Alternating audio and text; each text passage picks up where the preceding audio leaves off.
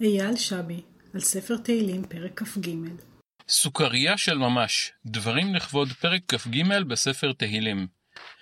פרק כ"ג מציף בי את הכמיהה אל הקידוש של שבת בבוקר. פרק כל כך מתוק, סוכריה של ממש, ששווה בשבילה להמתין שבוע שלם כדי להתענג יחד איתה על ישיבה בצוותא עם כל המשפחה.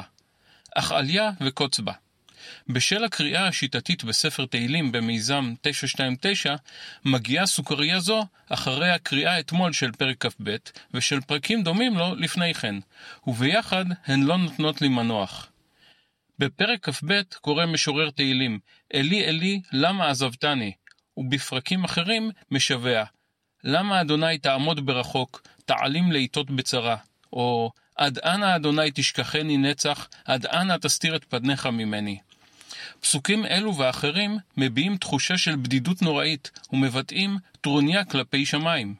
כיצד ניתן ליישב פסוקים אלו עם לב ליבה של הסוכריה בפרק של היום?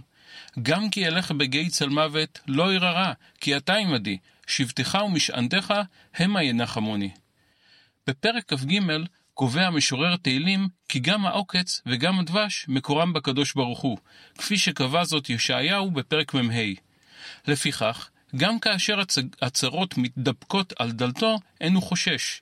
הוא מבין כי מדובר בניסיון שבא לחזק ולהעצים אותו. תוך כדי ההליכה בגיא צלמוות, הוא מרגיש את ידו של הקדוש ברוך הוא אוחזת בו ומוליכה אותו אל חוף מבטחים.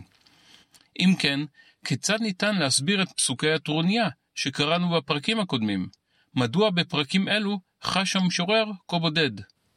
אז זהו, שהוא לא באמת בודד.